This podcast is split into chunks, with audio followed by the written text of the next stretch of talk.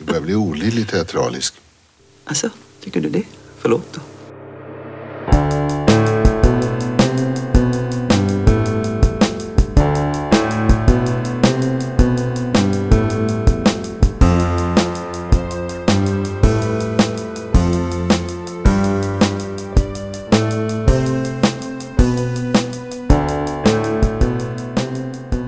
Hej och välkomna till Demonpodden. Podden där vi tittar oss hela vägen igenom de allra flesta av Ingmar Bergmans filmer under året 2019 och en bit in på 2020. Jag heter Kalle Färm och med mig som alltid har jag Björn Waller. Hej. Och Aron Eriksson. Hej. Och med oss ikväll har vi också en ny gäst. Välkommen säger vi till Roger Svensson. Ja, men tackar, tackar. Ja, kul att ha med dig. Ja, kul, kul att vara här. jag får säga. Ja. Och ska säga, vi har bjudit in Roger här ikväll för att vi ska prata om efterrepetitionen från 1984. Som väl får starta lite vad vi kallat för epilogen av Demonpodden. För det känns på något sätt som att eh, det stora Le Grand Final var förra veckan med Fanny och Alexander. Och nu är vi liksom inne på de här småkonstiga bitarna, grejerna som man gjorde efter att han egentligen typ hade slutat regissera riktig film. När han skrev andras filmer och inte riktigt kunde hålla sig borta från kameran så han filmade lite konstiga tv-grejer här och där. Varav den här är den första. Jag är jätteglad att jag fick vara med på just det. Ja. ja, men som ny gäst Roger så ska jag ställa samma fråga till dig som jag ställer till alla våra andra nya gäster första gången de är med. Eh, vem är du och hur känner du Ingmar? Eh, ja, jag är ju, är ju Roger. Jag, jag vet inte vad man ska säga om mig. Jag är, är, är rörmokare, eh, väldigt långt från en eh, filmnörd och eh, gillar öl. typ så. Eh, har massa barn och sådär. Ingmar känner jag eh, så pass att jag i, i lördags såg min allra första Ingmar Bergman-film som eh, jag hoppas inte är hans bästa. Det är den vi ska prata om idag. Ja. Eh, jag har, har hållit, mig, hållit mig långt borta från, från Bergman eh, och det känns väl inte som att den här filmen gjorde att jag, att jag kommer börja backlogga. Vi kan väl säga så här att eh, det du sa där om ditt intresse för öl är ju lite direkt relaterat till hur det kom sig att du hängde med på just det här avsnittet. Nämligen att vi satt och drack ett par sådana, eh, du och jag och Björn. Och eh, kom på att det vore ju kul om du faktiskt prövade på att se en Bergman-film. Och så sa vi bara, eftersom vi var fulla och tänkte att det var smartast. Ja men vi tar den kortaste. Så blir det säkert smidigt och lite lätt. Bara det att vi visste inte att den kortaste dessutom skulle vara den här jävla filmen. The, the weirdest shit ever. Ja, eller i alla fall liksom den filmen som är minst en film av alla, allt vi har sett. Ska jag kunna säga. Ja, det är väl typ den här och riten liksom som är... Ja. Och, och precis, i stort sett som bara är liksom filmad teater och dessutom filmad teater utan särskilt mycket handling. Så, så kan, kan väl säga så här att eh, vi slängde i alla fall i det på den djupa, i den djupa änden av poolen liksom. Det var inget småtrevande in här och försöka liksom... Du fick, fick ingen snäll inkörsport till Ingmar. Nej, precis. Det var inte liksom eh, börja lyssna på Ebba Grön med 800 grader utan det var svart och vitt. Precis. Men innan vi börjar prata om eh, veckans huvudfilm efter repetitionen, om man nu ens kan kalla den så. Så har ju Aron, som så många gånger tidigare, sett lite mer film än vi andra. För han har på något sätt mer tid. Så vad är det du har sett den här veckan Aron? Jag har sett Hustruskolan, vilket var Alf Sjöberg, vår gamla bekant, hans sista Dramatenuppsättning innan han dog 1980. Och eh, Bergman eh, filmade den här uppsättningen för TV som en Okej. hyllning till sin gamla kollega, så vet jag förstår. Den visades juldagen 1983. Okej. Och det är Molière, svart komedi. Och Allan Edwall har huvudrollen, vilket ju är kul. Mm. Spelar en elak fulgubbe. Och ja, Allan brukar ju som vara den mest gemytliga att någonsin se. Så att se honom som en sån här skurk Mm. var ju kul bara det. Och han är ute efter en dum fru. För en dum fru kan man kontrollera. Och Dum, som i, dum i korkad, inte dum som i elak. Precis, Ja. en korkad fru. Och 13 år tidigare såg han då en fyraåring som han tyckte var fin. Men en fyraåring kan man ju inte gifta sig med. Så han köpte den här lillflickan av hennes fattiga föräldrar och satte henne i kloster för att garantera att hon skulle bli riktigt dum. Och det är Lena Nyman som spelar denna 17-åriga flicka. Lite gammal för rollen kan man tycka. Jag Men- tänkte just det 1983. Det, Det är Ja, typ samtidigt som hon spelar Ronjas mamma alltså. Ja, precis. teaterns magi, man tänker inte på det alls. Eller? Ehm, Men Allan Edwall ser i alla fall fram emot att gifta sig med detta lilla liv. Och då kommer hans unga vackra vän, spelad av Stellan Skarsgård, till stan. Och han får ju syn på Lena Nyman och han blir ju så kär. Så ni hör ju vilket komediupplägg. Och om Okej. Stellan kan vi säga att han är inte naken. Det var Vilket var ju är min oväntat. första fråga. Dock har han en vågad kroppstrumpa på sig. Så man kan ana sig till saker. Och han är väldigt lik Alexander Skarsgård och låter precis som Alexander Skarsgård. Det är nästan som om de vore släkt. Ja, precis. Pjäsen har sina stunder men är väl inte fantastisk och det kändes lite långt. Jag tror den var 147 minuter. Åh jävlar, det är två hela efter repetitionen. Okej, då räknade jag fel. För den är 1.47 var vad jag försökte räkna till. My bad. Jag försökte verkligen plussa ihop. Vad blir en timme 47 minuter? Det, måste... 107 minuter. det, det stämmer mycket bättre med 107 minuter. Fortfarande kändes det lite långt. Men vad som är fantastiskt är Allan Edwall. Han är jättebra. Mm. Så för alla Nedvall-fans kan det vara okej att se det. Och alla gillar väl alla Nedvall. Fick Det du är väl som det brukar vara. Edvall är ju fantastisk. Mm. Tycker till och med vad Bergman tillförde till det här är väl lite oklart. Den är väl duktigt filmad, får jobbet gjort, men det är ju teater. Mm. Så ja, Ja. den finns på SVT Play. ja, men vad trevligt. Ja, men då så. Från eh, den te filmade teatern till ja, vad som nästan ändå får anses vara filmad teater, även om det kanske tekniskt sett inte är den. Eftersom, är det eftersom den inte vad jag vet har satts upp på scen, i alla fall inte innan det här. Synopsis för efter repetitionen från Regi Bergman lyder som följer. Teaterregissören Henrik Fågler regisserar Strindbergs Ett drömspel för femte gången. På en tom scen träffar han Anna Egerman, pjäsens huvudrollsinnehaverska. Han lyckas också framkalla den sedan länge döda Rakel, hans före detta älskarinna och Annas mor. Och ja, det är ungefär så mycket handling det är. Och eh, direkt så märker vi, det är både Egerman och Fågler så, och dessutom den tredje personen som nämns i det här heter Jacobi. Så alla våra favoritnamn är tillbaka igen. Jo, och, och det snällaste man kan säga om den här huvudpersonen är ju att han är skriven som en fågel och inte som en vergerus. Ja, just det. Mm. För Ja. Roger som inte fattar ett dugg av vad vi precis sa. Det, det där flög jättelångt över mitt huvud. Ber- Bergman an- återanvänder väldigt mycket efternamn på karaktärer utifrån hur de är som personer. Så om någon heter Fågler kan man ge sig fan på att det är en eh, lidande konstnär med kontakt med, som kan liksom genomskåda verkligheten. Om någon heter Egerman så är de en väldigt social typ som lever i väldigt eh, olyckliga äktenskap. Och om någon heter eh, Vergerus så är det en jävla skurk. Så spring. Ja, precis. All right. Ja. Och Jacobi har vi inte riktigt fått någon koll på än, men de är oftast ganska ärliga personer i alla fall. Fru Jacobi vill skilja sig och är ärlig vad hon tycker om sin man och så. Och eh, vad heter det? Isak Jacobi är ju mer eller mindre hjälten i Fanny och Alexander. Ja. Veckans huvudsakliga film efter repetitionen blev alltså Rogers första Bergman-film och som sagt det känns som lite av en jävla djupdykning får man ju lov att säga. För vi snackar alltså om en film som är i stort sett helt handlingslös. Som egentligen bara har tre skådespelare. I och för sig tre skådespelare som... Två av dem känner vi väldigt väl från tidigare Bergman-grejer. En av dem var ju ny på den tiden, nämligen Lena Olin. Men hon är ju bekant för i alla fall många av oss vid det här laget. Men det är ju verkligen tre människor på en scen som snackar på om, sina, om konsten och om sina förhållanden till varandra. Och det är ju jävligt Bergman, det får man ju lov att säga. Men det är ju också... Ja, vad ska man säga? Ja. Vad, vad, Roger, kan inte du börja med att bara beskriva din, vad ska jag säga, lite kortfattat din upplevelse av det här nu? När du fick sätta dig och se Ja. den här filmen som du hade gått och väntat lite på nu några månader sedan vi började diskutera det här. Ja, precis. Jag har ju längtat. Ja, vad ska jag säga? Det är, um, om, jag, om jag ska tycka någonting så...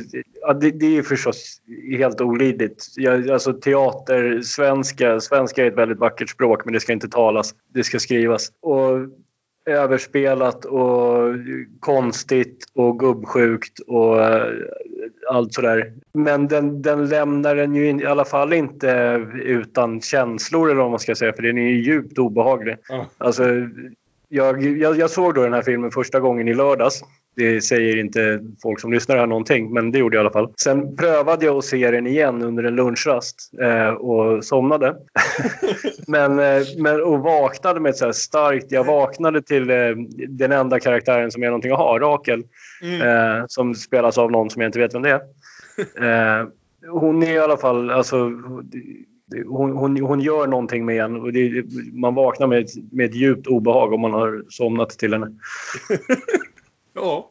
Det är väl en ganska god reaktion att ha. För jag satt och tänkte på det här att jag skulle förmodligen, precis som du uttryckte den här filmen, vara ganska jävla dyngtråkig om det inte var för att jag spenderat ett helt år med mina goda vänner här med att liksom fördjupa sig i allting Bergman. Vilket på något sätt, om man inte redan kommer in i den här och är lite Bergman-nördig så kan jag tänka mig att den är ännu lite trögare att ta sig igenom än vad jag kanske tyckte nu. För nu satt man ändå liksom... Vi har ju försökt hävda hela tiden i den här podden att det inte ska handla om att grotta ner sig i hans privatliv på något vänster utan att det ska handla om filmerna. Men vi har liksom inte kunnat låta bli att grotta ner oss lite här och där för att han gör ju parallellerna så jävla uppenbara. Att det är så mycket om det som ändå handlar om honom som man måste liksom snacka om det. Och då blir det ju att man ställer sig frågan hela vägen igenom det här. Hur mycket av det här är liksom Ingmar? För det här, jag vet att vi under höstsonaten satt och snackade jävligt mycket om att nu har han kommit tillräckligt, nu har han inga småbarn längre. Så nu har han kommit tillräckligt långt ifrån det här att han var en dålig pappa. Så nu kan han börja skriva om hur det är att vara en dålig förälder. Och nu känns det som att nu kanske han tror att han har blivit för gammal för att vara en lika gubbsjuk jävla regissör som han var på 50 och 60-talet. Så nu kan han börja skriva om hur det är att vara en gubbsjuk regissör. Liksom. Han har blivit för gammal för att ligga med unga tjejer så då kan han skriva om att hans alter ego ligger med unga tjejer. Ungefär så ja. Ja. Och Nobel, och. Nobel tackar nej till att ligga med dem till och med. Ja. Men, men eh, jag tycker väl det, det är intressant som sagt. För den är ju liksom, han har ju blivit väldigt mycket mer självbiografisk de senaste filmerna, gubben. Mm. Och eh, den här är ju Vi ska inte väldigt... sluta med det ska vi säga. De nästa tre Nej. filmerna vi ska se är bokstavligt talat de tre filmerna som handlar om Ingmar Bergmans föräldrar. Ja, precis. Ja. Och jag menar, det, den är inte ointressant på så vis. För liksom, det blir lite grann hans liksom självgranskning här. Exakt vad har, vad har han gjort med alla de här skådespelerskorna som han har ställt framför kameran, satt på och gått vidare från. Även om han väl har väl, ja, han har väl inte alltid gått vidare och det säger väl någonting att många av dem har fortsatt jobba med honom i decennier efter att förhållandena upphörde. Men eh, å andra sidan, Ja. vem fan ska de jobba med liksom? Ska du göra tv-komedier? Ja. Eh, så jag menar som liksom ren kritisk studie av Bergmaniana är den ju intressant. Mm. Som film är den ju dötrist. ja. Jag funderade på om det här skulle varit roligare på scen och möjligen lite men det är ju verkligen Filmer har en handling av en anledning för det mesta. Liksom. Hårda ord kamrater. Jaha. Jag tyckte mycket om det här. Ja men då så! Fan vad kul! Ja. Ja. Ni har ju helt fel. Ja, jag vet inte vad jag ska säga om dessa anklagelser. Jag tyckte det var en trevlig liten bagatell det här. Kändes lite mer som en novell än som en film. Men trevligt att få ljudboksversionen med dessa skådespelare som läser den. Och Alltså måste, måste jag säga att jag tyckte inte det här var en helkass film på något sätt. Jag tror bara att, att jag hade kunnat tycka det under andra sammanhang. Nu är man så inställd på att plocka upp allt sånt här från Ingmar så att man så, liksom, nu har jag ja. tagit av locket. Nu kommer er kärlek fram. Ja, så, så här skulle jag säga. Jag gillar den sista sekvensen och jag gillar, precis som Roger antydde, bitarna med Rakel. Eh, spelad av Ingrid Thulin ska vi säga. Eh, som vi inte har sett i Berg på tio år. Och som dessutom är jävligt olik sig. Men hon är alltid olik sig. Ja men eller hur? Hon har ändrat sitt utseende otroligt Ja. mycket sen, sen 60-talet. Det här är ju hennes sista film på svenska ska sägas. Efter Okej. det här så flyttade hon till Italien och gjorde några filmer till och sen la hon av. Okej.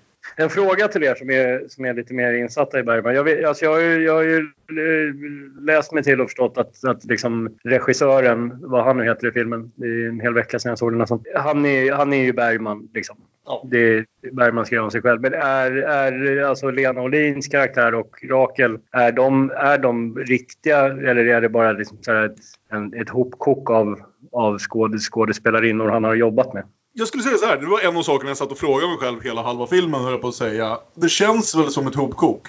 Någonstans. Ja. Och den andra frågan, för det finns en replik som jag, som jag ställde mig själv framförallt Jag satt och funderade bara efteråt. Ska hon vara hans dotter? För det finns en replik som använder Ja. jävligt hårt. Det gör det. Vilket bara gör hela saken ännu lite mer creepier. Ja. Det är ju, jag, jag ställde mig den frågan inte minst just tack vare att han har valt Lena Olin att spela rollen. Och regissören säger ju vid flera tillfällen att han har jobbat ihop med hennes föräldrar. Ja. Och Bergman jobbade ju väldigt mycket med Stig Olin på den gamla goda tiden. Så det är ju, ja, det är ju verkligen sanningen. Det gör ju allting Britta jätte, Holmberg. jättemycket mer obehagligt. Och då, har vi, och då har vi också den här scenen i slutet på Fanny och Alexander där en av de kvinnliga skådespelarna varnar Lena Olins karaktär för att komma i närheten av den här glade vivören som är huvudpersonen. Ja, nej, men direktören alltså, har varit så snäll. Ja, passa upp för honom. Han är alltid snäll mot unga flickor. Men samtidigt är det ju ganska mycket Bergman även i de här kvinnorna. Måste jag kräkas på scen? För diarré skita på mig. Jo, det är det. Ja. Ja. Britta Holmberg, Lena Olins mamma, har han också jobbat med ja, väldigt lite. Hon gjorde rösten till en mamman i drömmen i fängelset. Men de har jobbat ihop. Ja. Men ja, jag tror Björn nämnde Riten där eh, någonstans på vägen och Riten var väl den filmen som det här påminner mest om. Skulle jag säga av det vi har sett tidigare här. Den, den är betydligt lättsinnigare än riten får man ju lov att säga. Det förekommer Ja. varken våldtäkter, mord eller människooffer i den. Det är Det, jävligt sant. Och inga stora strap-ons heller, vilket vem vet kanske hade liksom... nej, Det är det den saknar. ja, Eh, Bergman skriver i bilder att den är lite trögare än han hade tänkt sig. Liksom. Att den var tänkt som lite kärv komedi och att det inte märks på slutresultatet. Men märks det inte lite? Jag tyckte det här var ganska lätt och flyktigt. Alltså, Mer som en intervju än som en De Profundis Oscar Wilde skriver om Gud i fängelset. Det här är ju liksom- inte den stora avhandlingen om mina fel och brister. Det här är ju, ja, han tar tillbaka det han har sagt direkt efteråt. Det här är, det här är en skärva av sanningen bara.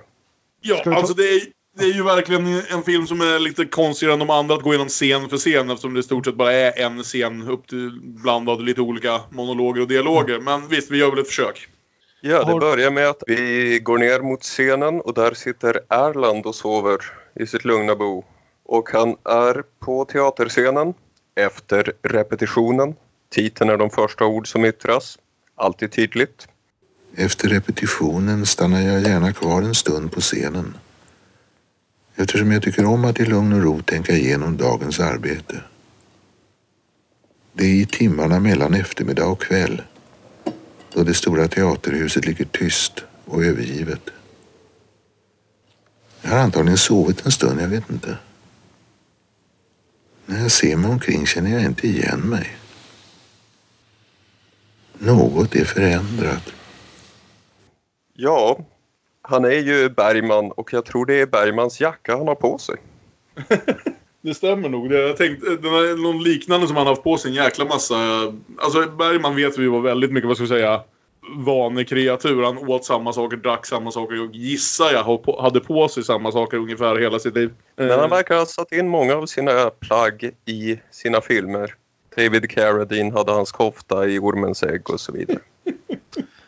och det känns ju som utifrån de liksom såna här bakomfilmer man har sett så liksom alla, eh, hela kroppsspråket som Erland lägger sig till med här är ju Ingmars kroppsspråk också. Inte minst när han håller på att regissera någon. Nej, jag, fast jag tänkte på det. Jag försökte... Det lilla man har sett av Ingmar när han eh, liksom gör antingen såna här bakomfilmer där vi ser hur han regisserar eller när han sitter i intervjuer och så här. Han, I intervjusituationer gör han ju alltid försöker i alla fall vara lite smålustig och liksom ta ner sig själv lite grann, inte vara så jävla högtravande. Och sen i regisituationer så ser vi också ofta att han försöker liksom få folk antingen att slappna av eller så är han asförbannad på någonting. Han brukar gå antingen från lättsam till, till fly förbannad och fram och tillbaka igen. Han är aldrig riktigt så här jävla högtravande när jag har sett honom som, som, som Fågler är i den här filmen. Att prata liksom yvigt om konsten som det yttersta greppet för jada jada jada. Utan det är verkligen som att han, det är kanske som Bergman tänker eller skriver om det men det är aldrig så här han låter riktigt. Ja, jag tycker har tänker, hört väldigt många av de här replikerna i intervjuer som jag har lyssnat på. Ja, okej. Mm. Kanske jag har sett an- fel intervjuer. Eller så blev han lite mer så här lättsam kring ett mot ålderns höst. De flesta av intervjuerna har jag sett nog i och för sig. När han var lite närmare döden. Han var väl lite fram och tillbaka. Han hade sina monologer som han ibland gick till. Mm. Och sen ibland kände, nej varför säger jag det här? Ja. Och så skojade han om den mysfarbror han blev. Och vi kan ju nämna här lite kort också bara innan vi kommer in på handlingen att det här är ju Sven Nykvists sista film med Bergman. Just det.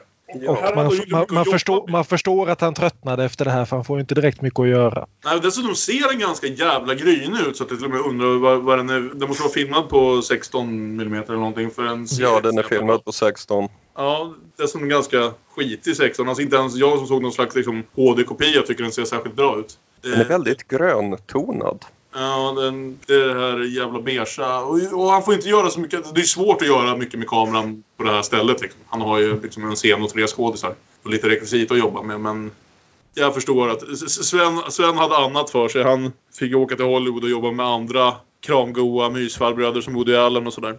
Men men. Den här blev uppsatt på bio utomlands.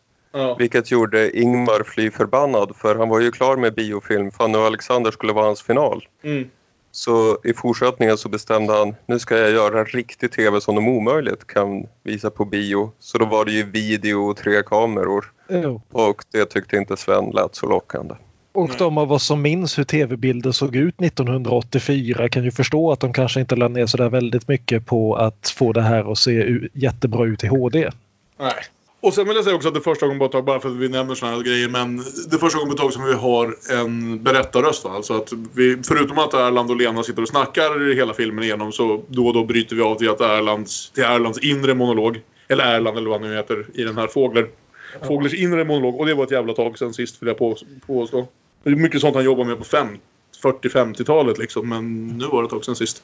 Ja, det kändes ju väldigt novellartat. Ja. Men Det är lite roligt tycker jag att, att liksom det, samtalet fortsätter i bakgrunden. Att det bara liksom tonas ner och man hör... eh, Precis. Ja, Mm. det blir lite roligt. Man blir lite irriterad för man vill höra vad de säger även om de säger tråkiga saker. Samtidigt är det ju att ofta så är den här repliken som han då går in med sin interna monolog är i princip Vad i helvete är det jag sitter och säger? Vad är det här för jävla svammel? Det, det är ju lite, lite, lite den här vad heter, känslan av när man sitter och, sitter och försöker samtala med någon men så blir man lite för självupptagen och slutar lyssna på den andra personen för man sitter och liksom tänker vad fan sa jag precis egentligen? Så här, och, sitter och, och sen så rätt vad det är så har man tappat bort sig i konversationen. Och jag, I och för sig, jag får lite den känslan. Men visst, det är också ett grepp som jag är lite glad att han lämnade på 50-talet för det mesta. Enter Och- Lena Olin. Hon säger sig leta efter ett armband men det är en tydlig förevändning. Och jag, berättarrösten, säger väl här att jag vill hon ska gå, jag vill hon ska gå. Men hon går inte. Och de börjar pratas vid. Ja, hon är då Anna. Hon ska spela huvudrollen i ett drömspel som ju Björn Aron i alla fall har tittat på när Bergman har satt upp ett drömspel på 60-talet. Så ni hade ju lite mer koll än jag på vad fan det ens handlar om men man listar ut det mesta av vad de Ja. säger liksom. Och det, det är ju ytterligare ett bevis på att det här är Bergman för Bergman satte ju också upp drömspel så fort han fick fem minuter över i princip. Jag tror han hann med, jag tror han hann med typ sex uppsättningar eller någonting innan han la av. Ja, och han dessutom... hann fyra. Ja, det, ja. Och eh, han ska göra sin eh, fjärde uppsättning två år efter den här filmen. Då med Lena Olin i Okej. huvudrollen. Ja, och med Ingrid Thulin då när ni såg den på 60-talet. Så båda de här skådespelerskorna har ju med andra ord spelat den här huvudrollen i drömspelet då. För honom. Precis. De snackar i alla fall lite löst här runt att han har som sagt jobbat med hennes pappa och han säger inte här att han har haft ihop det med hennes mamma men han har i alla fall åtrått henne. Mm. Han förnekar bestämt Mm. att han hade någonting ihop med Mm. hennes mamma. Ja. Och hon är inte ett dugg imponerad för hon hatar sin mamma som söp ihjäl sig för ett antal år sedan. Roger? Ja. Ja, jag tänkte bara höra här. Är det något av det här så här långt in i filmen som liksom intresserade dig alls? För jag vet inte, du har väl ingen jätte... Alltså som du sa förut att du har något jätteintresse heller av liksom så här, vad ska vi säga, svensk teater eller teater rent generellt. Men om du har någonting alls... Nej, Jag precis. tänkte på det här liksom bakom, bakom scenerna på konsten i alla fall på något sätt. Jag menar du är ju, du är ju konstnärligt intresserad om än av andra konstnärsformer om vi säger så. Jo, jo det är alltså, jag- alltså det. Det jag har, har gått och tänkt på lite med, med, eh, med den här början överhuvudtaget. Alltså dels, alltså dels det i typ... Alltså jag, sättet jag såg den här filmen var att den fanns att hyra för 29 spänn på någon streamingtjänst. Och där, i texten om det där så står det så mycket om att ja, men Fågler han pratar med den här Anna och hon, eh, hon försöker eh, få till det med honom och han stretar emot. Ja. Jag köper inte det alls. Eh, för det, det gör han ju uppenbart. Han gamear ju henne. Alltså det är ju klassiskt, klassiskt the game. Alltså, varför får jag vara med i den här teatern? Ah, för att du är så jävla dålig. Jag såg en, såg en teaterpjäs med dig. Du var usel. Därför vill jag ha dig. För, för att vara så usel så måste man vara bra. Ja, så gjorde jag en film också. Ja, skitdålig. Jävla skitfilm. Alltså det, är- det är ju helt uppenbart att han, att han vill ligga. Liksom. Det är så jag säger till alla jag vill ligga med. Så var det du. Alternativt till den andra tolkningen att det här är en und- undanflykt för att få hänga lite med sin dotter om han nu misstänker att hon är det. Och det Ja, det är han- obehagligt med tanke på, med scen, på senare scener. Ja, jag håller med. Men jag tänker också om det är därför han inte faktiskt går igenom mer utan får ut i liksom, de här andra konstiga utspelen. Att om det, var, om, det, om det inte var möjligen hans dotter, eller kanske hans dotter, så kanske han bara hade legat i typ 10 minuter in i den här filmen. För det skulle i alla fall förklara varför han tar så väldigt illa vid sig när hon säger att hon hatar sin mor. Ja. För då kommer han direkt in på ett väldigt Bergmanskt men också inte speciellt cinematisk diskussion om eh, livet efter detta, om huruvida vi tror att det finns ett liv efter detta, om huruvida teatern kan uppbevara människor som är döda och borta sedan länge och därför bör du inte hata din mor för det gör nog ont på henne. Mm. Och det här är ju Bergmans uttalanden från Mm. intervjuer. Hur han brukade ha den här epikurianska synen på döden. Att så länge vi, jag finns så finns inte döden. När döden finns finns inte jag. De möts aldrig, inget att oroa sig för. Och det var en enorm trygghet. Men Henrik Fågler som Bergman tvivlar nu på detta. Jag läste någonstans en intervju där du förklarade att detta var vårt enda liv. Att ett före och framförallt ett efteråt inte existerade. Du sa att den vetskapen beredde dig den allra största trygghet. Du bestämt en flicka med begåvning för ironi. Det är bara förvirring. Jag ska säga dig något, Anna Egerman. I min ålder händer det att man lutar sig framåt och plötsligt befinner sig huvudet långt inne i en annan verklighet. De döda är inte döda. De levande ter sig som spöken. Det som var självklart för en minut sedan är besynnerligt och svårgenomskådligt. Och framförallt är ju teatern en spökenas plats. Och det är ju helt sant. Även för oss. Och där kan vi också räkna in skådespel som sport. För att intressera Roger. I snooker eller fotboll. Sport, sport eller country. Då känner man ödets makt där. Man ser gudar och demoner ingripa i skeendena. Ett förtrollat drama. Tänk dig så mycket andlig energi. Så mycket känslor, äkta och spelade. Skratt och raseri och passion och jag vet inte vad. Alltsammans finns kvar här inne. Och det händer ibland i vardagslivet men inte lika ofta. Och sen, sen så är det så jävla kul lite här hur, om vi nu säger att, att Fågler är Bergmans alter ego, så gillar jag hur han nästan ger sitt gamla jag lite skit. För när hon börjar oja sig över barndomen, vilket ju typ har varit hälften av historierna han någonsin har berättat. Så säger Fågel bara ja, ja, ja och typ vänder ryggen åt henne och vill inte lyssna på det där. Dels såklart liksom i karaktären för att han inte vill höra mer skit om hennes mamma och hur illa hon har haft det. Om hon nu är hans dotter eller i alla fall kanske.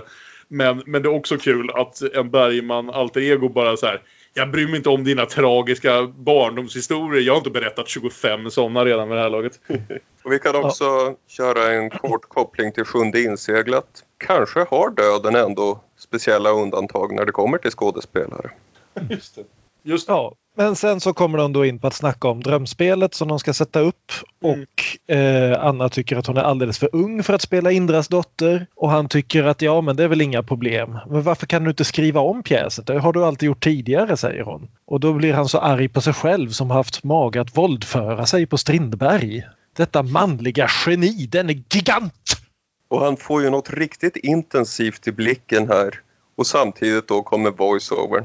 Jag våldtar Strindberg. Det går mycket bra. Högsta mode. Kritiken hyllar mig. Jag har ju dammat av den gamla stofilen. Varför säger jag det här? Det är ju bara nonsens. Gamla floskler. Varför sätter jag plötsligt igång med denna löjliga teater? Denna parodi på en övertygelse som stått och surnat och fallit sönder av sig själv. Varför måste jag rättfärdiga mig inför den där unga personen som ändå inte bryr sig om vad jag säger? Vi får en liten väldigt kort cameo av Bertil Guve som ju gjorde huvudrollen i Fanny och Alexander. Nu har vi sagt att tre olika personer spelade huvudrollen i Fanny och Alexander men det är den sortens film som då spelar återigen den unge Ingmar. Lite oklart varför för han är bara på bild i sådär fyra sekunder om ens det. Han bodde i kulisserna på SVT-huset vid det här laget. Liksom. Mm. Bara plocka fram honom om man behöver honom någonstans. Ja. Och han skäller ut Anna för att hon spelar roller även i det privata. Och talar om för henne att när hon gråter för att han skriker åt henne så gråter hon med glädje för att han har visat henne något nytt. Och eh, om, om hon bara kan sluta spela roller i det privata så skulle hon få mycket mer energi att lägga in i eh, skådespeleriet. Och sen så skriker han väldigt förnärmad. Nu går jag upp på hotellrummet och sover middag! S- s- Spela roller i privata känns det som det är ett tema typ som Ingmar har hängt sig mest fast vid typ de senaste tio åren eller någonting. Det är ju verkligen liksom en gammal favorit i repris vid det här laget. Jo, Alla men han har, gjort, Ja. han har gjort mer intressanta saker av det. Men, ja. Ja, jo precis. Jo, men det är det jag tycker är lite intressant. Alltså, någonstans bara så här som att jämföra att det här är filmen där han bara ropar så, saker rätt ut i en monolog som han i alla fall förut försökte. Alltså visst, det har varit mycket monologer tidigare också, men han försökte i alla fall berätta en historia med det på något sätt. Det är kanske lite där någonstans jag börjar bli lite trött. Nej, nej. Det här är jättebra. Sluta vara så sura. Det blir snart jättebra, för snart... Varför känner han sig så tvungen att rättfärdiga sig när hon ändå inte bryr sig? Ja, bra repliker. Han spelar ju också en roll där. Och vad ska man säga, hela grejen, det, det man tänker mest på förutom riten är väl ibland scener ur ett äktenskap bara för att det är liksom det här eviga jäkla fokuset på två personer i ett rum i stort sett. Snart tre personer. Men, men det är ju liksom just de här långa dialogerna, ingående också nästan liksom att vi är fast på en plats med de här människorna är ju Alltså det är klassisk teater men också det, det som det mest Ja, påminner om. men alltså i scener ur ett äktenskap är det två människor som pratar med varandra. Ja. Här är det återigen, precis som i riten, så är det två filosofer som monologar mot kameran. I love it. Säger filosofi. Ja. Men det här fortsätter i alla fall. Han fortsätter negga henne lite grann. Hon frågar om inte en regissörs väg är kantad av ihjälslagna skådespelare och han säger jo då det är det men jag älskar mina skådespelare och skulle aldrig göra dem illa med flit. Han skulle aldrig göra dem illa i teatern. I det Mm. privata, i livet, eller den så kallade verkligheten, har han säkert sårat många. Aldrig på teatern. Han kan inte skada skådespelare, för han älskar dem. Eller som han sa i viskningen och rop, kom nu era fula jävla subbor, det är dags att spela in. Hur var det? Precis. Ja. Det här det börjar komma in en viss flörtighet i samtalet. Kom lite närmare så jag kan se dig bättre, sa vargen till Rödluvan. Ja, det är så obehagligt. Ja. Och, och just det där när han säger den här repliken om vargen och rödluvan så är också en av få gångerna som Sven Nykvist verkligen tröttnar och vill göra någonting så han tvärzoomar in på Erland Josefssons finger som vinkar. Sen så har han någon utläggning om teatern, om att allting föreställer och ingenting är, det vill säga precis som han sa om trollflöjten när han gjorde den. En Eh, helt underbar scen. Pekar ut vilka möbler han har haft i vilka Mm. uppsättningar. Och jag undrar om inte soffan de sitter i är den från senare ett äktenskap också. Det kan det mycket väl vara. Möblerna lever, de har sina egna minnen. Mm. Teatern är ett animistiskt universum. Ja, Igen, liknelsen vid sport. Allt lever och har agens.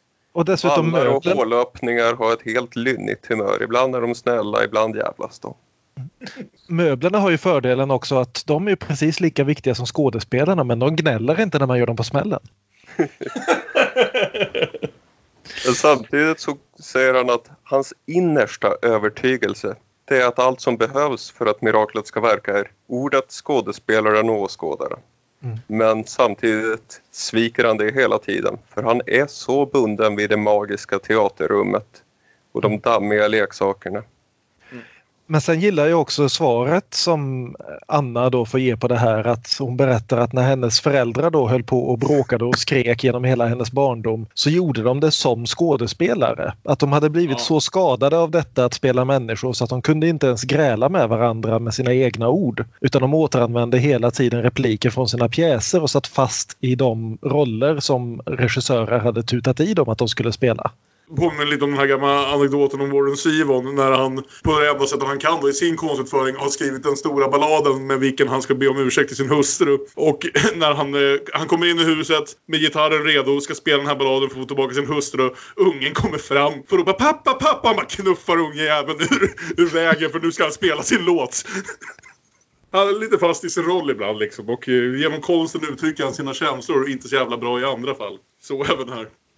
Och samtidigt det här temat som fanns i varenda film på 60-talet att skådespelaren eller konstnären som också är lite psykotisk tycker jag fångas väldigt bra i en replik här som Lena Olin får om sin mamma, mamman och pappans gräl. Jag tyckte mamma var värst. Hör inte pappa hur oäkta hon låter?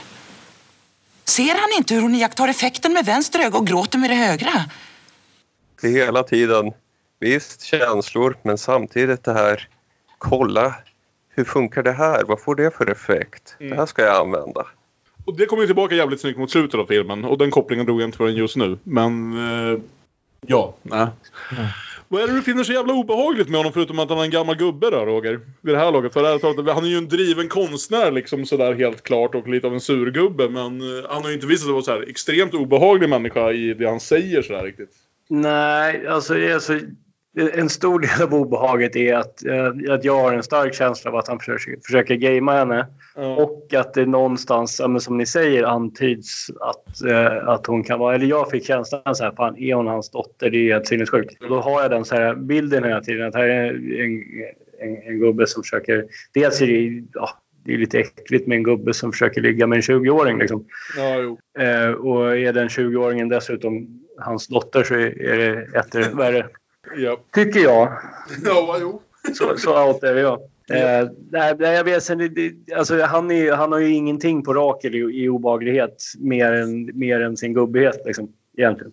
Om, om jag bara snabbt, får haka på det Roger sa där så finns det ju, om vi tar det här som Anna säger mot slutet av den här scenen att skådespelare blir så skadade så att de inte ens har några egna ord längre. Så är det ju lite grann det här att trots allt han säger om att liksom teatern ska vara en operationssal där allting ska hållas rent och det personliga livet ska hållas långt därifrån och alltihopa.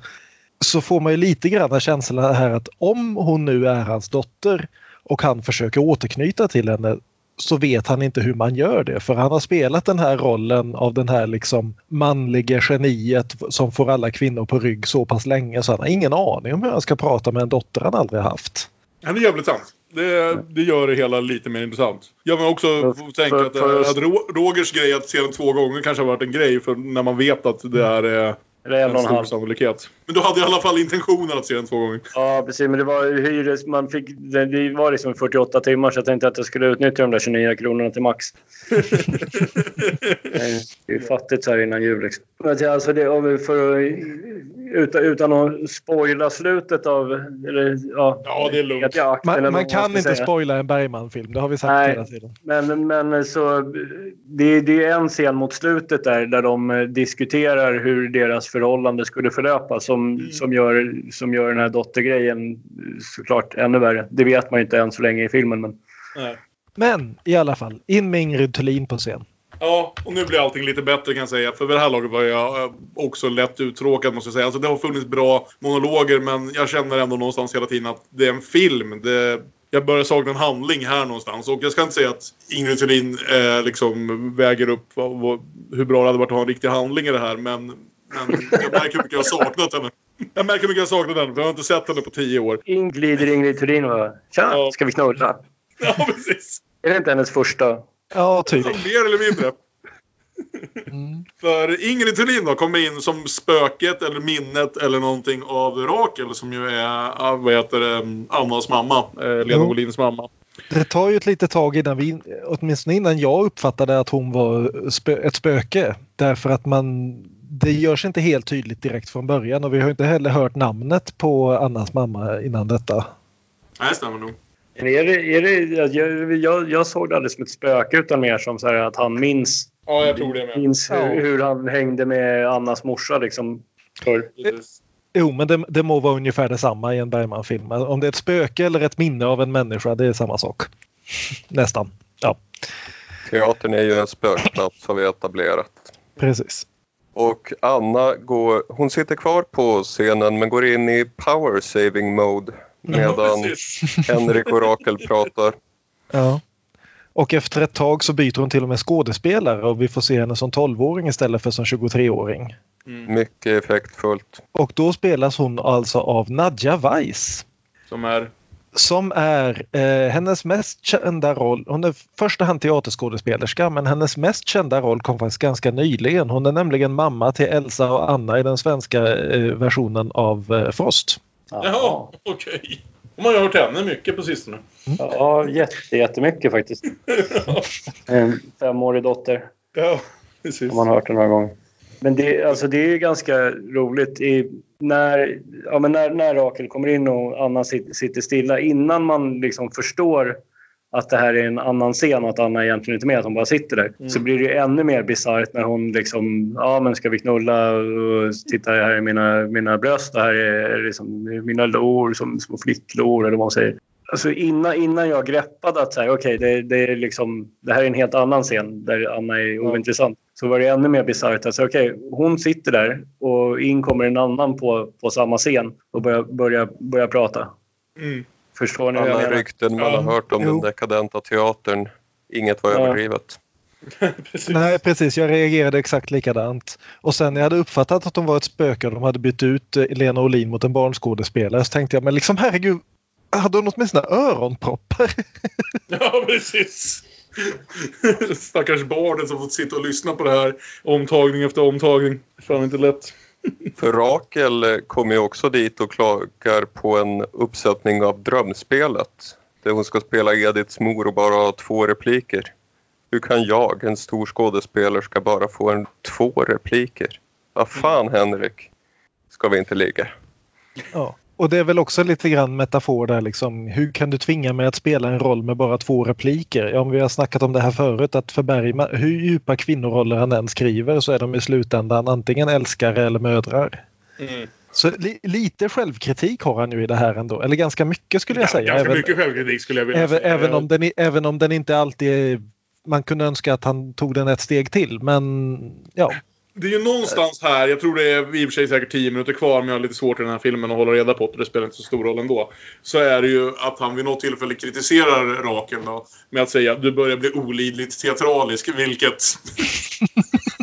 Ärligt talat Ingmar och då ska ju I den, sägas här, också att I den här jävla filmen också. Ja, och Ingrid Thulin är ju den av de här tre som verkligen spelar över också. För både Lena Olin och eh, Erland Josefsson håller det ju ändå relativt, även om de levererar repliker som ingen människa skulle säga i verkligheten, Nej. så är de ju liksom, de gör det med normal röst medan Ingrid Thulin går omkring och teatergråter och skriker och ja. Vad säger du? Henrik säger ingenting.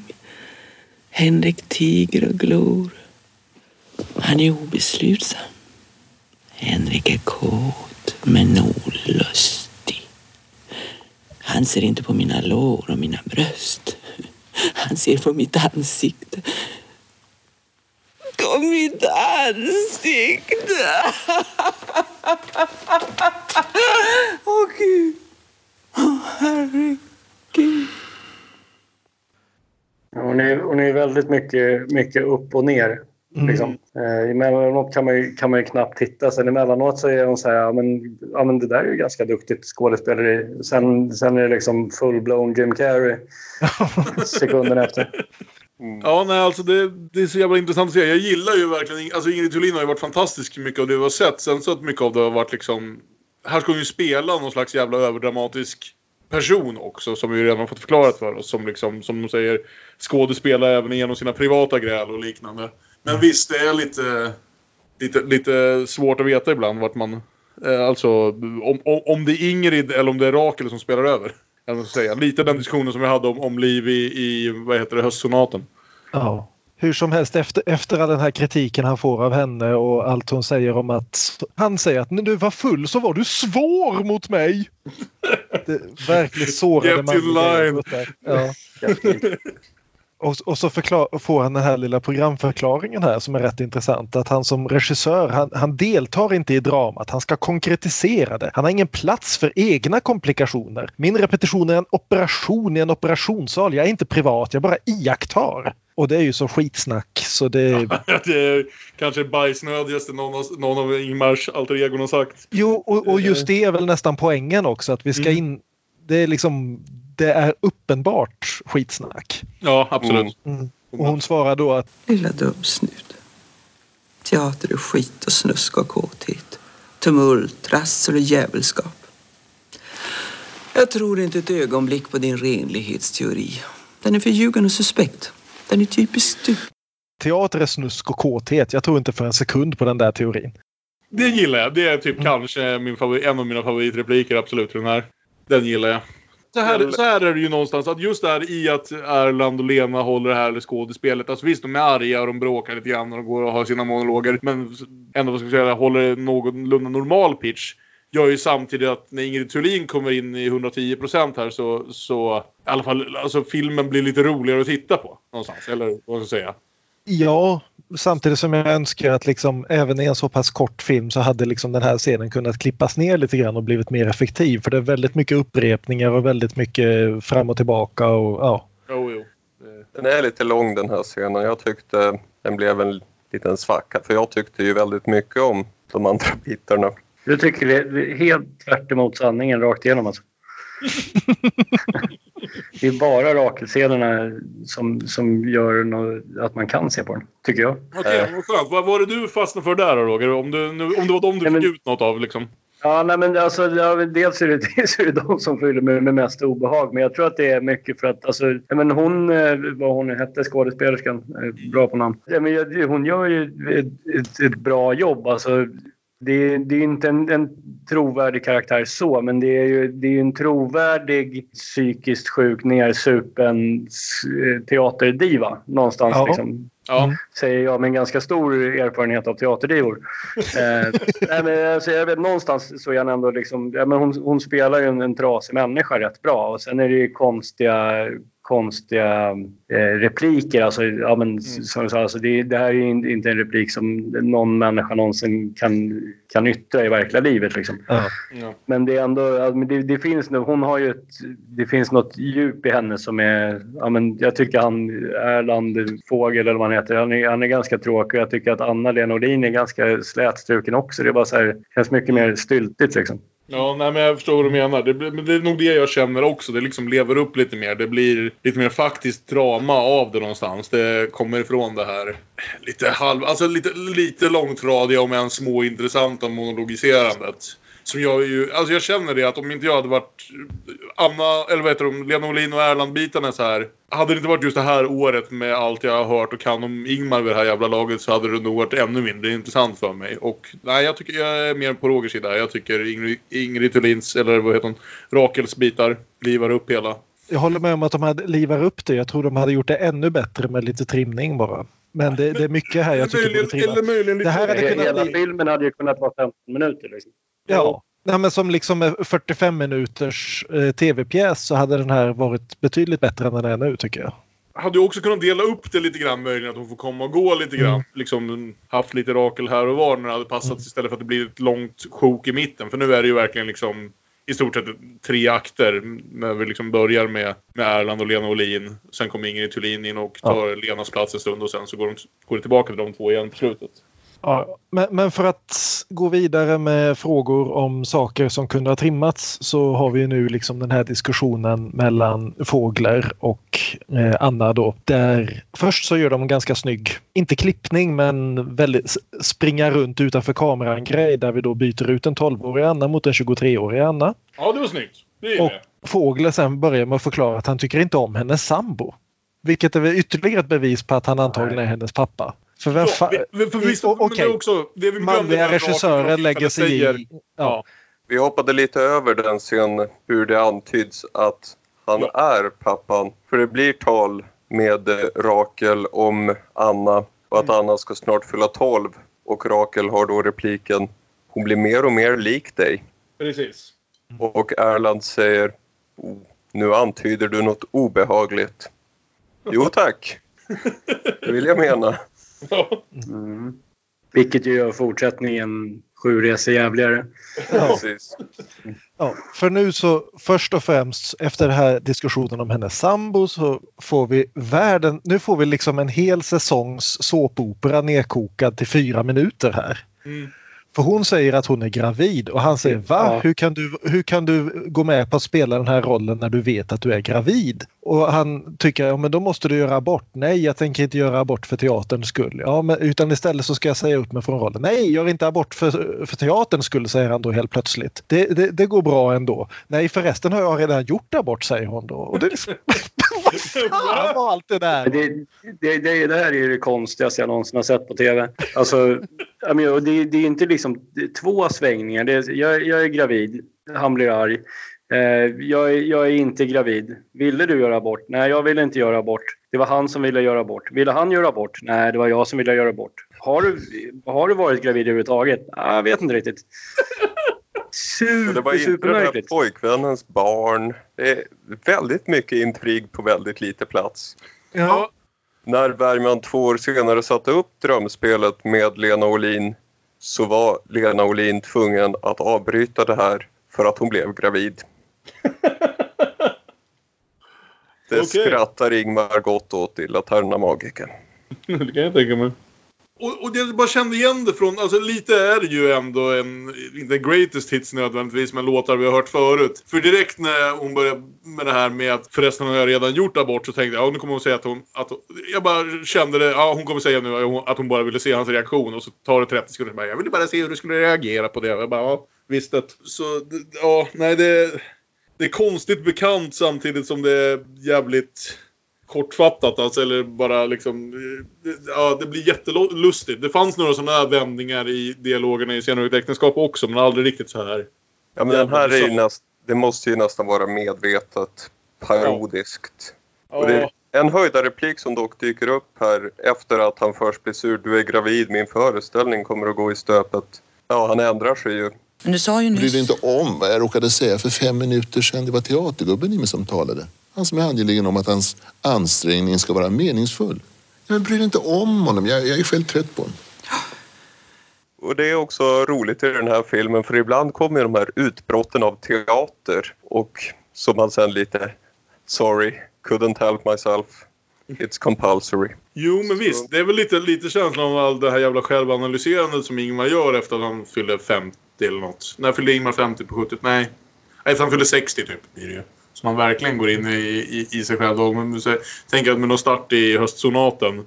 Som är den första filmen känner jag som... Alltså många av filmerna handlar om honom. Men de börjar verkligen handla om honom. Liksom nästan uttryckligen. Är ju att de märker att Ingmar förmodligen är lite trött på sig själv. Och det kan jag väl ha lite med, medkänsla med. Vem fan är inte det liksom. Ja, men här är ju också där då Anna börjar stöta ganska aktivt på Fågler. Mm. Hon kysser honom och hon gör allt möjligt för att verkligen liksom antyda att ja, nu är jag helt och hållet i din hand. Nu får du göra med mig vad du vill. Och han verkar ju ändå lite lätt obehagad här framförallt över den här kyssen. Märker man att det är där han någonstans tänker hur fan tar jag mig ur det här nu då, utan att avslöja saker som jag inte känner mig riktigt jävla redo att avslöja. Eller kanske han, han kanske inte ens känner sig helt säker på liksom, om han är hans pappa, om han är hennes pappa eller inte. Och det är då jag tänker att han kommer på den här idén till hur kan vi ha ett helt jävla förhållande utan att behöva ha ett förhållande. Nämligen att bara Ja, men de är ju för fan de är ju skådespelare och regissör. Vi, vi, vi skriver en liten pjäs på 10 minuter Mm. och spelar upp den. Och så slipper vi faktiskt Ja. ha förhållandet för vi vet redan hur det kommer gå. Och det gillar jag. Det är den biten förutom vissa av Rakels bitar som jag gillar bäst med filmen måste jag säga. Ja. Nej, nej, men om man tänker bort liksom den här möjliga eh, eh, blodskammen i det här så är det, tycker jag det här är en rätt schysst scen ändå. Mm. Just det här där han börjar spela upp scenen och hon bit för bit hakar på och kommer in och kommer med egna förslag och han säger nej, nej, nej, inte så. Så, så skulle det inte gå utan så här går det. Det, det är någon som, skulle jag bli ledsen? Nej, inte alls. Jag blir glad. Ja. Eh, Hon försöker göra honom till människa. bara, Nej, nej, nej, nej, nej. Du tror att jag trilskas? Jag tror absolut ingenting. När vi sen träffas på hotellet ber du mig om förlåtelse. Och är underbar och kärleksfull. Inte alls. Tvärtom. Min svartsjuka som jag tigit med i fem veckor bryter fram i en odräglig scen där jag hör mig själv säga alla de idiotier som jag heligt har lovat mig själv att jag aldrig Men nu visar det sig att jag är mycket mer svartsjuk än du. Och jag börjar rasa över din vackra, toleranta och charmerande fru som just varit på besök. Du visste inte att jag visste och blir fullständigt svarslös. känner mig dåligt. Jag blir ingalunda svarslös. Och jag gillar det även på något sätt om han är hennes pappa. För jag tänker på något sätt att det är hans smarta sätt att komma ur den här jävla rollen han uppenbarligen har fått ett rykte för. Nämligen att vara den gubbsjuka regissören som ligger med sina mycket yngre skådespelerskor. Att då, han ger den, liksom, den här vägen ut ur det. Att de får uppleva den biten utan att han faktiskt behöver liksom göra något. Och så fick hon det uppfyllt utan att han behöver avslöja jobbiga hemligheter från hennes mamma. Ja. Ja. Och, och det är väl lite grann också det som händer i slutet här då när, när de har gått igenom hela den här eh, hypotetiska förhållandet och eh, hon kommer på att visst fan, jag skulle ha varit på Sveriges Radio för en halvtimme sedan. Och så säger han att men säg åt att gubben Fågler höll dig kvar, det kommer alla att köpa. Ja, det kommer nog att funka. Mm. Bra idé. Vilket, vilket låter bra tills man inser vad alla, vad alla kommer att tro att han höll henne kvar för. Ja, precis. Men det tror väl alla ändå. Så det, ja. Ja, precis. Mm. Undrar när Ingmar... Ja. Jag får säga, undrar när Ingmar slutade, slutade få det här ryktet. Jag höll på att säga när slutade Ingmar ligga med sina skådespelerskor. Men det var inte vad jag faktiskt undrade. Utan mer hur länge folk trodde sådana saker om Ingmar. I branschen liksom. För han måste ju ha fått sig ett rykte under 50-talet. Tänker man om man... Eftersom man vet vilka skriverier som pågick och hur mycket Det det är, som var sant det, också. det är inte ett rykte om det är sanning. Nej men precis va. Men hur länge det ryktet höll i sig. För jag gissar att han inte vid det här laget höll på med sånt. Eller hoppas jag i alla fall. Det är i alla fall vad dokumentären och biografierna verkar ha lärt oss. Ja. Och så får vi då slutrepliken att det som oroar honom mest i det här ögonblicket är att han, hans hörsel har blivit så dålig så han kan inte höra kyrkklockorna längre. Och vi vet Ja. vad klockor betyder i Bergman-filmer. Frågan inställer sig, är Henrik Fågler död? Är det hans lik vi ser ligga över manuset i öppningsscenen? Mm. Hmm. Å, å andra sidan, det som brukar betyda det i Bergman-filmer är ju såna här tickande uppdragsbara klockor och inte bingbongande kyrkoklockor. Nej. Man tar vad man kan få. Det Jag är, tror- Klocka Jag jag tänker mer så här, kan han inte höra längre håller han på att tappa, tappa greppet om det här. Han ska vara liksom på något sätt, han, han, han, är, alltså han är, på, han är på, på, på sluttappen här, inte nödvändigtvis av livet men av re, regiskapet, av regissören mm. Och konstnärskapet. Av konstnärskapet, precis. Han är på, på, på slutet av sitt konstnärskap. Och så måste ju Ingmar ha känt det. för Han hade ju redan avslutat, eller liksom sagt det rätt ut till alla världens medier att jag är fan färdig nu hörni. Och sen kunde han ändå inte låta bli det. Utan han fortsatte göra tv, eh, teatrar och tv-filmer och skriva andras långfilmer. Hela livet ut i stort sett. Det här med stora filmer var för fysiskt ansträngande för honom. Så, här. så det blev de här små kammarspelen. Ja men exakt. För så ska vi säga att trots att Ingmar inte ska regissera några fler biofilmer så har vi ju ändå, vad är det nu Är det åtta filmer kvar? Något, säga, sju filmer tror jag. Men han kommer ju bara att regissera två av dem. Kan jag säga. Eh, larmar och eh, Saraband. Saraband. Ja precis. Och de var ju tv-filmer och de är båda Och, och, typ och så Bakanterna som väl, eh, men det är ju en filmad pjäs. Eller Ja. filmad opera till och med. Precis. Ett gäng filmade pjäser som kommer. Ja, i stort sett. Och sen så skrev han manus till ett par filmer som eh, regisserades av andra och spelades eh, utan att han behövde vara närvarande. Och Mm. De var ju lite större, framförallt då Den goda viljan som ju var, var ett jätteprojekt. Och som ju är vad vi ska få snacka om nästa vecka och veckan efter det. Eh, Men- ja, Ja. Så, eh, Roger, har du blivit något klokare på filmen av allt det här? Ja, det, det har jag väl ändå. alltså, jag, jag, är- alltså jag är dålig på att titta på saker och analysera dem. Vilket Ja. gör mig till en perfekt gäst för en sån här podd. Eh, ja men, men det är också kul, jävligt kul att ha någon som kommer in och har ett Ja. helt annat synsätt på vi. Så jag tycker det har varit... Ja, men det var ju också det var ju roligt att, att, att titta på någonting med så här, alltså, och försöka tänka. Men det, här måste jag, det här måste jag ha tankar om mer än att det här var inte så bra eller det här var bra. Eller liksom, Mm. så. så det var ju Alltså, kul.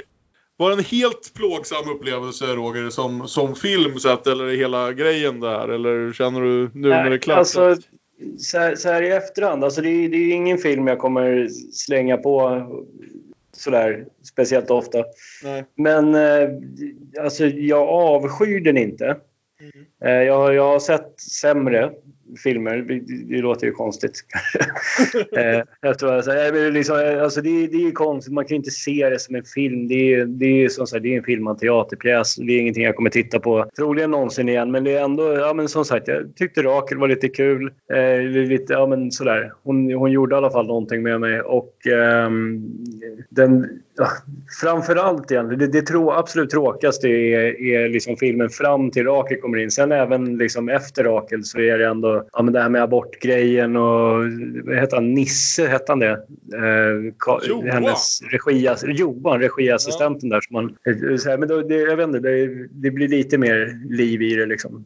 Jag håller med. Så det är i alla fall det är en film jag kan rekommendera till folk jag tycker illa om. Och Aron var mer förtjust än vi andra. Du hittade en del i den här. Det var kul det. Jag kände så här att... Jag vet inte, jag var också lite lätt ofokuserad kanske när jag såg den. Men jag känner ibland när det blir så här för jävla teatraliskt att... Ja, men det, som sagt, det finns en anledning till att filmer brukar ha handlingar. Och det är inte, Mm. det, det är inte det sämsta med dem ofta. Jag tyckte om det här. Går in på en solid 35 plats bland Bergmans filmer. ja, precis. Hur många har ni sett? 37? Vi kommer sluta på 47. Vi är nog på... Det här är nog 41 tror jag. Right. Ja.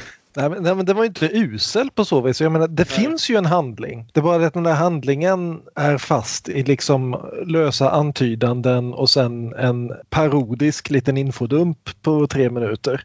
Mm. Och nog för att Bergman har haft lite svårt med att pejsa handlingar förut men det här är ju löjligt. eh, och det är ju medvetet löjligt så ja, nej men det jag, jag tycker att som liksom kommentarspår till Bergmans hela karaktär eller hela karriär av honom själv tycker jag den är mer intressant än som verk i sig. Jag funderade lite på vad skulle jag tycka om det här var min första Bergman-film?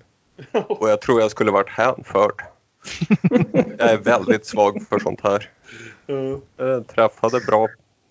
Tanken slog mig lite grann dock att det är en sån film man gör lite grann när man inte längre har något att bevisa. Utan det är verkligen han är vid läget där nästan till och med har lagt av. Han kan verkligen göra precis vad fan han känner för. Och han Ja. har precis sopat hem fyra Oscars och blivit hyllad av hela filmvärlden och gjort en av sina absolut bästa filmer någonsin och Mm. blivit älskad av hela svenska folket. Och vart fan går du därifrån? Ja men, men precis, och då är det verkligen så här. Det finns en... Det är inte nödvändigtvis en dålig sak att liksom regissörer eller konstnärer överhuvudtaget känner att de måste ha något att bevisa, något att kämpa för. Liksom. Det här är ett verk av en konstnär som inte längre behöver bevisa ett jävla dugg alls utan bara... Nej, vi släkar en stund, jag skriver ihop något. Ni kan väl komma och spela en stund. Liksom, han har inget att förlora, vinna eller förlora på det här rent personligt eller liksom eh, så, i sin karriär längre.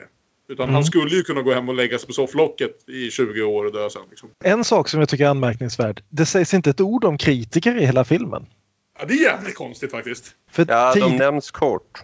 Ja. De? Enbart teaterkritiker tror på en objektiv sanning fast de Okej. koketterar med att de inte gör det.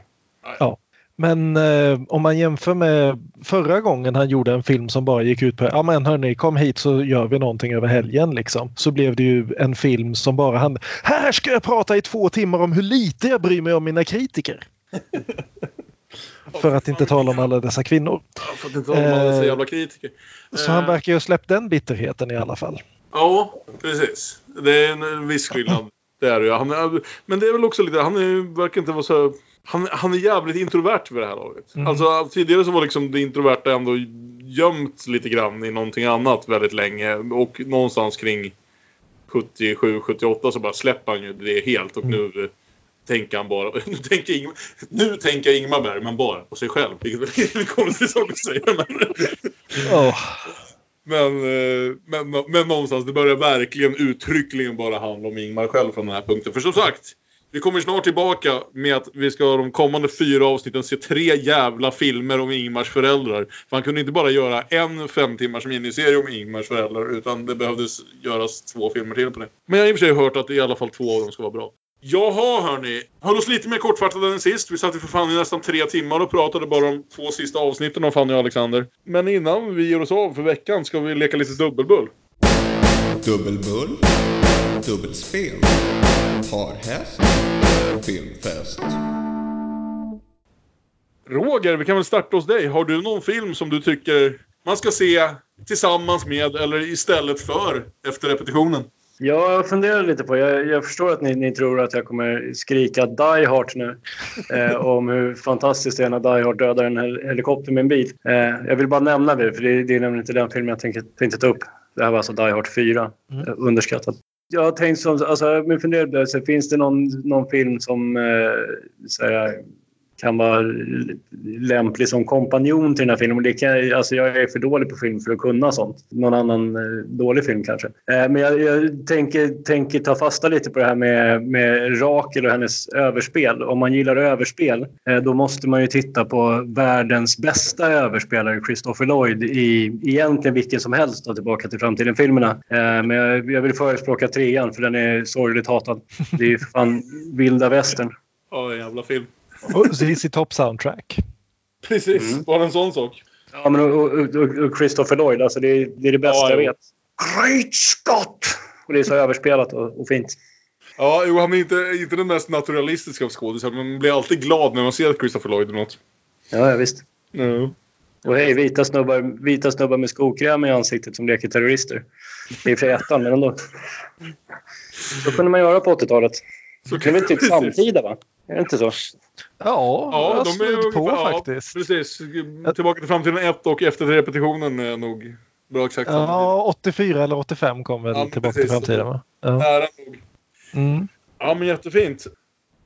Fan, nu blir jag sugen på att se Tillbaka till framtiden. Det skulle kunna behövas att spola den här jävla Bergmannen ur mitt system. Aron, vad tycker du man ska se ihop med efter repetitionen gissar jag att du tycker, inte istället för. Jag tycker man kan se In a Lonely Place från Så jävla bra. 1950 mm. av Nicholas Ray med Humphrey Bogart och Gloria Graham. Han eh, är en författare i Hollywood, manusförfattare och också en sån här svår konstnärsman som har lite utbrott för sig och ibland ja, tar tillbaka dem och ibland ja, är han så snäll. Men han är ju älskvärd. Så varför inte en ung kvinna kan falla för honom. Mm. Han, Svensk ja, vad- titel, Nakna nerver. Fan, så bra dansk svenska titel. Ja. Dansk titel, Mannen utan hämninge. Tagline på den danska affischen.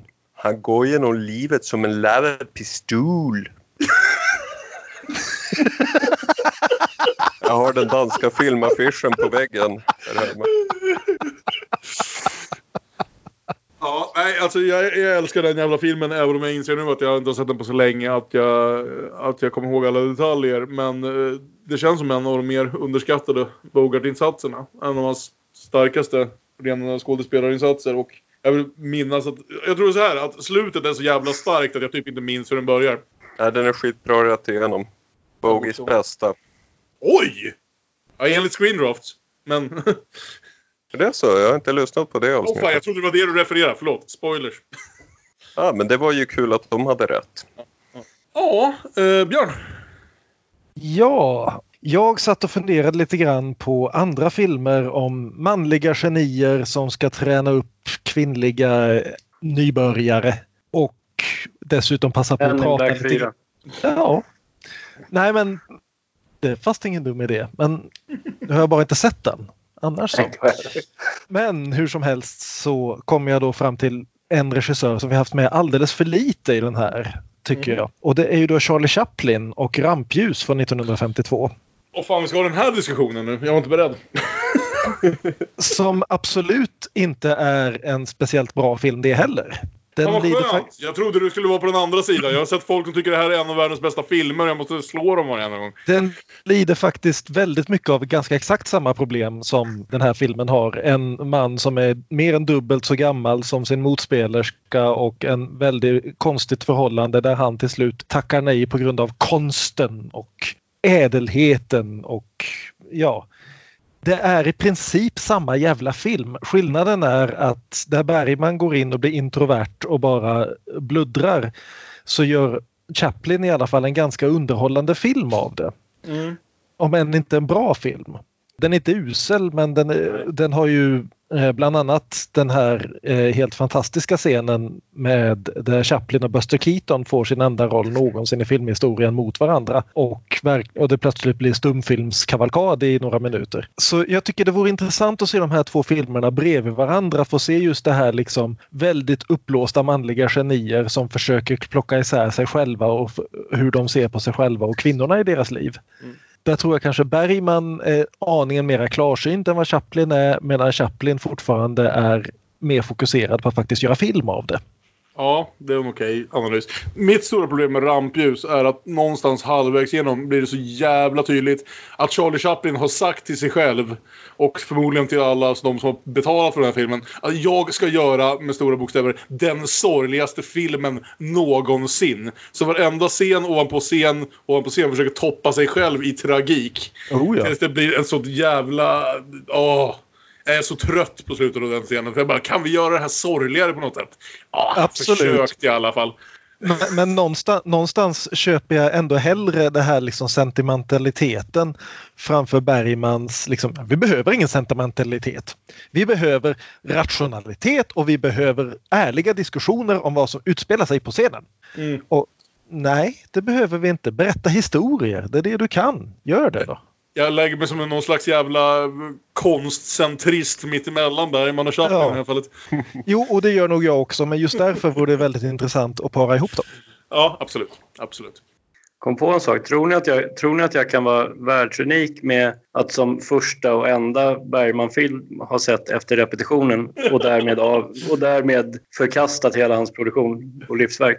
Eftersom den gick på tv så tror jag inte du är helt världsunik, men du är nog i minoriteten. Genom att bara ha sett den. Ja, precis. För det måste ju ha varit någon som liksom tänkte när den kom på TV1 1984 att ja, men den där Bergman har man hört så mycket om. Jag tar väl och ser den då. Men Ja. ja, Ja, du, men du, som, du, som medvetet har sökt upp den och tittat på den och ja. Betalat 29 kronor för den. Ja. Och därmed så här, jaha, är det här Bergman? Det är jag inte intresserad av. Precis. Då konstaterar jag att det är ju någonstans Bergman. Det är ju en jä- typ den mest Bergmanska Bergman-filmen. Det är ju bara att de brukar vara lite bättre samtidigt. Och handla om någonting. Inte nödvändigtvis.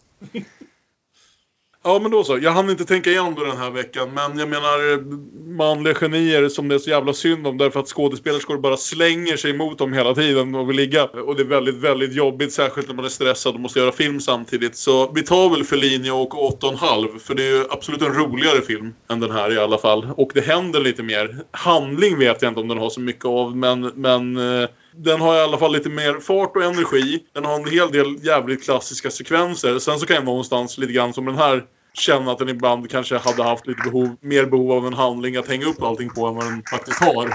Åtta, jag är väl lite själv, jag gillar Fellini. Jag tycker inte 8,5 är en av hans allra bästa. Men jag tycker ändå att det är en solitt jävla asbra film som har massor med underhållande sekvenser. Och som sagt, kanske ibland kunde ha behövt en handling att hänga upp det på. Men den är väldigt sevärd och definitivt mer underhållande och mer visuellt spännande än vad efter repetitionen är. Så det får jag göra den här veckan. Ja. Jag typ kom på fem minuter innan att jag skulle ha valt en film. Jag har aldrig lyckats hålla mig vaken genom 8,5. Jag har försökt några gånger. That's fair. Jag har också somnat, men då har jag ju sen tagit upp det. Eh, Men jag har nog sett den tre gånger ändå vid det här laget. Och sista gången så tror jag inte jag somnade en enda gång. Ja, jag ska göra ett nytt försök. Som sagt, jag tycker inte ens det är på en topp 5 Fellini ska jag ärligt talat säga. Utan jag tycker Karn, som också var ganska, vad ska vi säga, självupptagen och gillade att göra filmer om sig själv och sina skådespelerskor. Har gjort betydligt bättre filmer än så. Men det är ju den som är mest närkopplad till den här, känner jag samtidigt. Med det sagt så avslutar vi för den här veckan. Vi vill tacka vår gäst Roger Svensson. Tack för att du ville vara med. Ja, tackar. Det var kul. Ja, och om du inte hänger med på fler Bergman-filmer så kanske vi hittar något annat projekt i framtiden som du känner dig eh, mer lockad att prata om. Som är mer på min, min planhalva. Ja. Ja. men, eh, fan. Det, är, det är roligt att, att göra någonting som man inte har någon aning om heller. Ja, det är sant. Aron, blir det någon musik den här veckan? Det blir det. Och Roger ska sjunga. Så det kommer att bli toppen. Fan vad fint. Vi glömde nämna det tror jag, att bortsett från intre- intresserad av country så händer det ju då och då att du spelar lite country också Roger. Ja, nu var det ju ett tag sedan det blev något spelande, men det finns ju att höra någonstans. Ja, ni kan ju som alltid nå oss via sociala medier. Vi är at Damonpodden på Twitter och Instagram. Vi är Damonpodden med Ä på Facebook. Man kan mejla damonpodden at gmail.com. Ja, Ska du göra det? Ja. om ni känner för att hänga med oss här genom vad ska vi säga, epilogen av Demonpodden så är vi tillbaka nästa vecka för att diskutera de två första avsnitten av Den goda viljan från 1991. Skriven av Ingmar och handlar om Ingmars föräldrar men regisserad av Bill August. Så det blir första filmen på ett jäkla dag sedan vårt första avsnitt vill jag säga som inte är regisserad av Ingmar själv. Ha det så gott tills vidare så hörs vi. Hej då! Hej då. Ja, men Nej. så. Kan förgöra dig, lämna dig helt förstörd Kan förföra dig, låta mig bli förförd På teatern där spökena går här omkring. Och de talar till mig.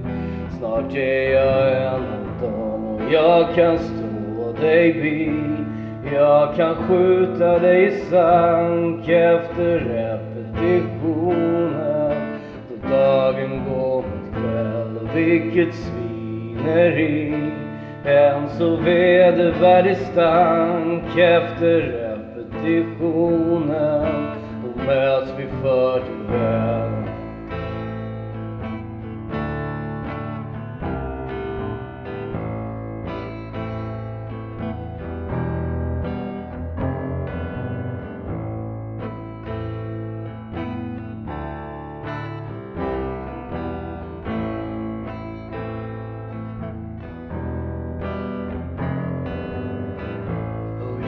kan stå dig bi och jag kan skjuta dig i sank efter repetitionen då dagen går mot kväll, vilket svineri en så vedervärdig stank efter